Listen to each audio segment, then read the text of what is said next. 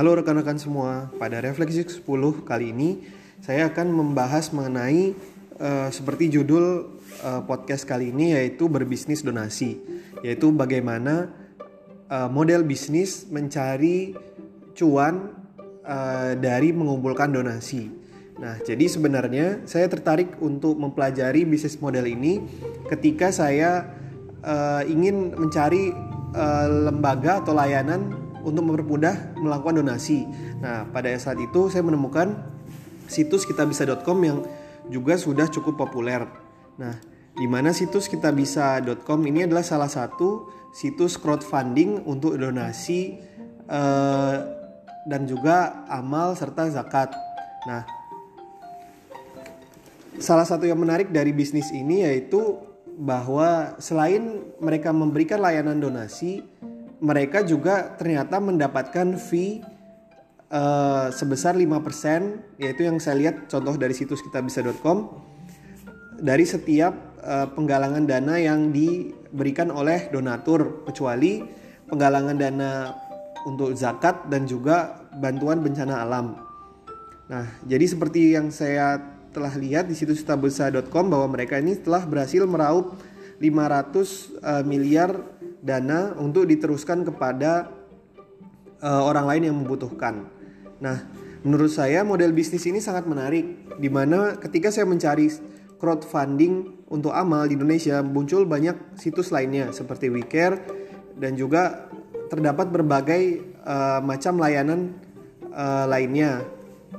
Nah, sebenarnya untuk dompet amal ini yang di Indonesia sudah cukup terkenal adalah salah satunya adalah Yayasan Dompet Duafa Nah ini uh, sebenarnya sedikit berbeda dengan situs crowdfunding karena situs crowdfunding dia berbentuk perusahaan sedangkan uh, lembaga pengumpulan dana seperti dompet duafa itu mengandalkan uh, berbentuk yayasan jadi dia tidak non, tidak mencari profit seutuhnya dibandingkan dengan perusahaan kita bisa uh, seperti kita bisa.com untuk menolong orang lain.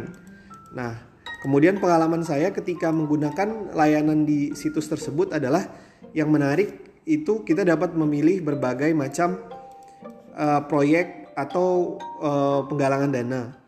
Dan juga salah satu fitur yang menurut saya menarik adalah adanya layanan menitipkan doa di saat kita melakukan donasi. Contoh saat kita melakukan donasi pada kegiatan tertentu kita bisa menuliskan doa dan kemudian akan diposting di uh, laman tersebut dan orang lain bisa mengklik amin uh, pada doa yang telah kita kirimkan. Nah, ini merupakan salah satu user experience yang menarik yang tidak dimiliki uh, penyalur donasi lainnya.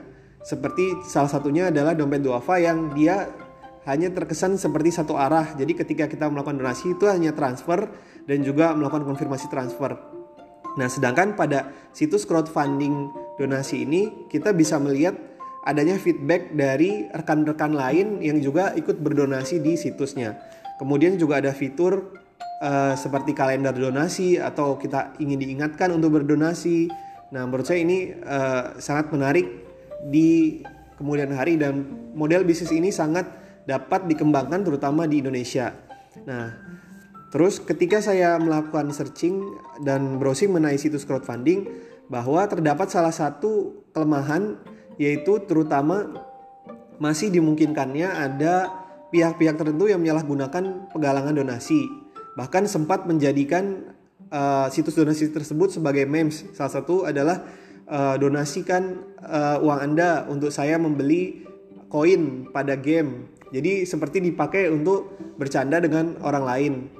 Nah, hal itu sebenarnya dapat di diminimalisir yaitu dengan uh, melakukan verifikasi terhadap penggalang donasi atau penyalur donasi.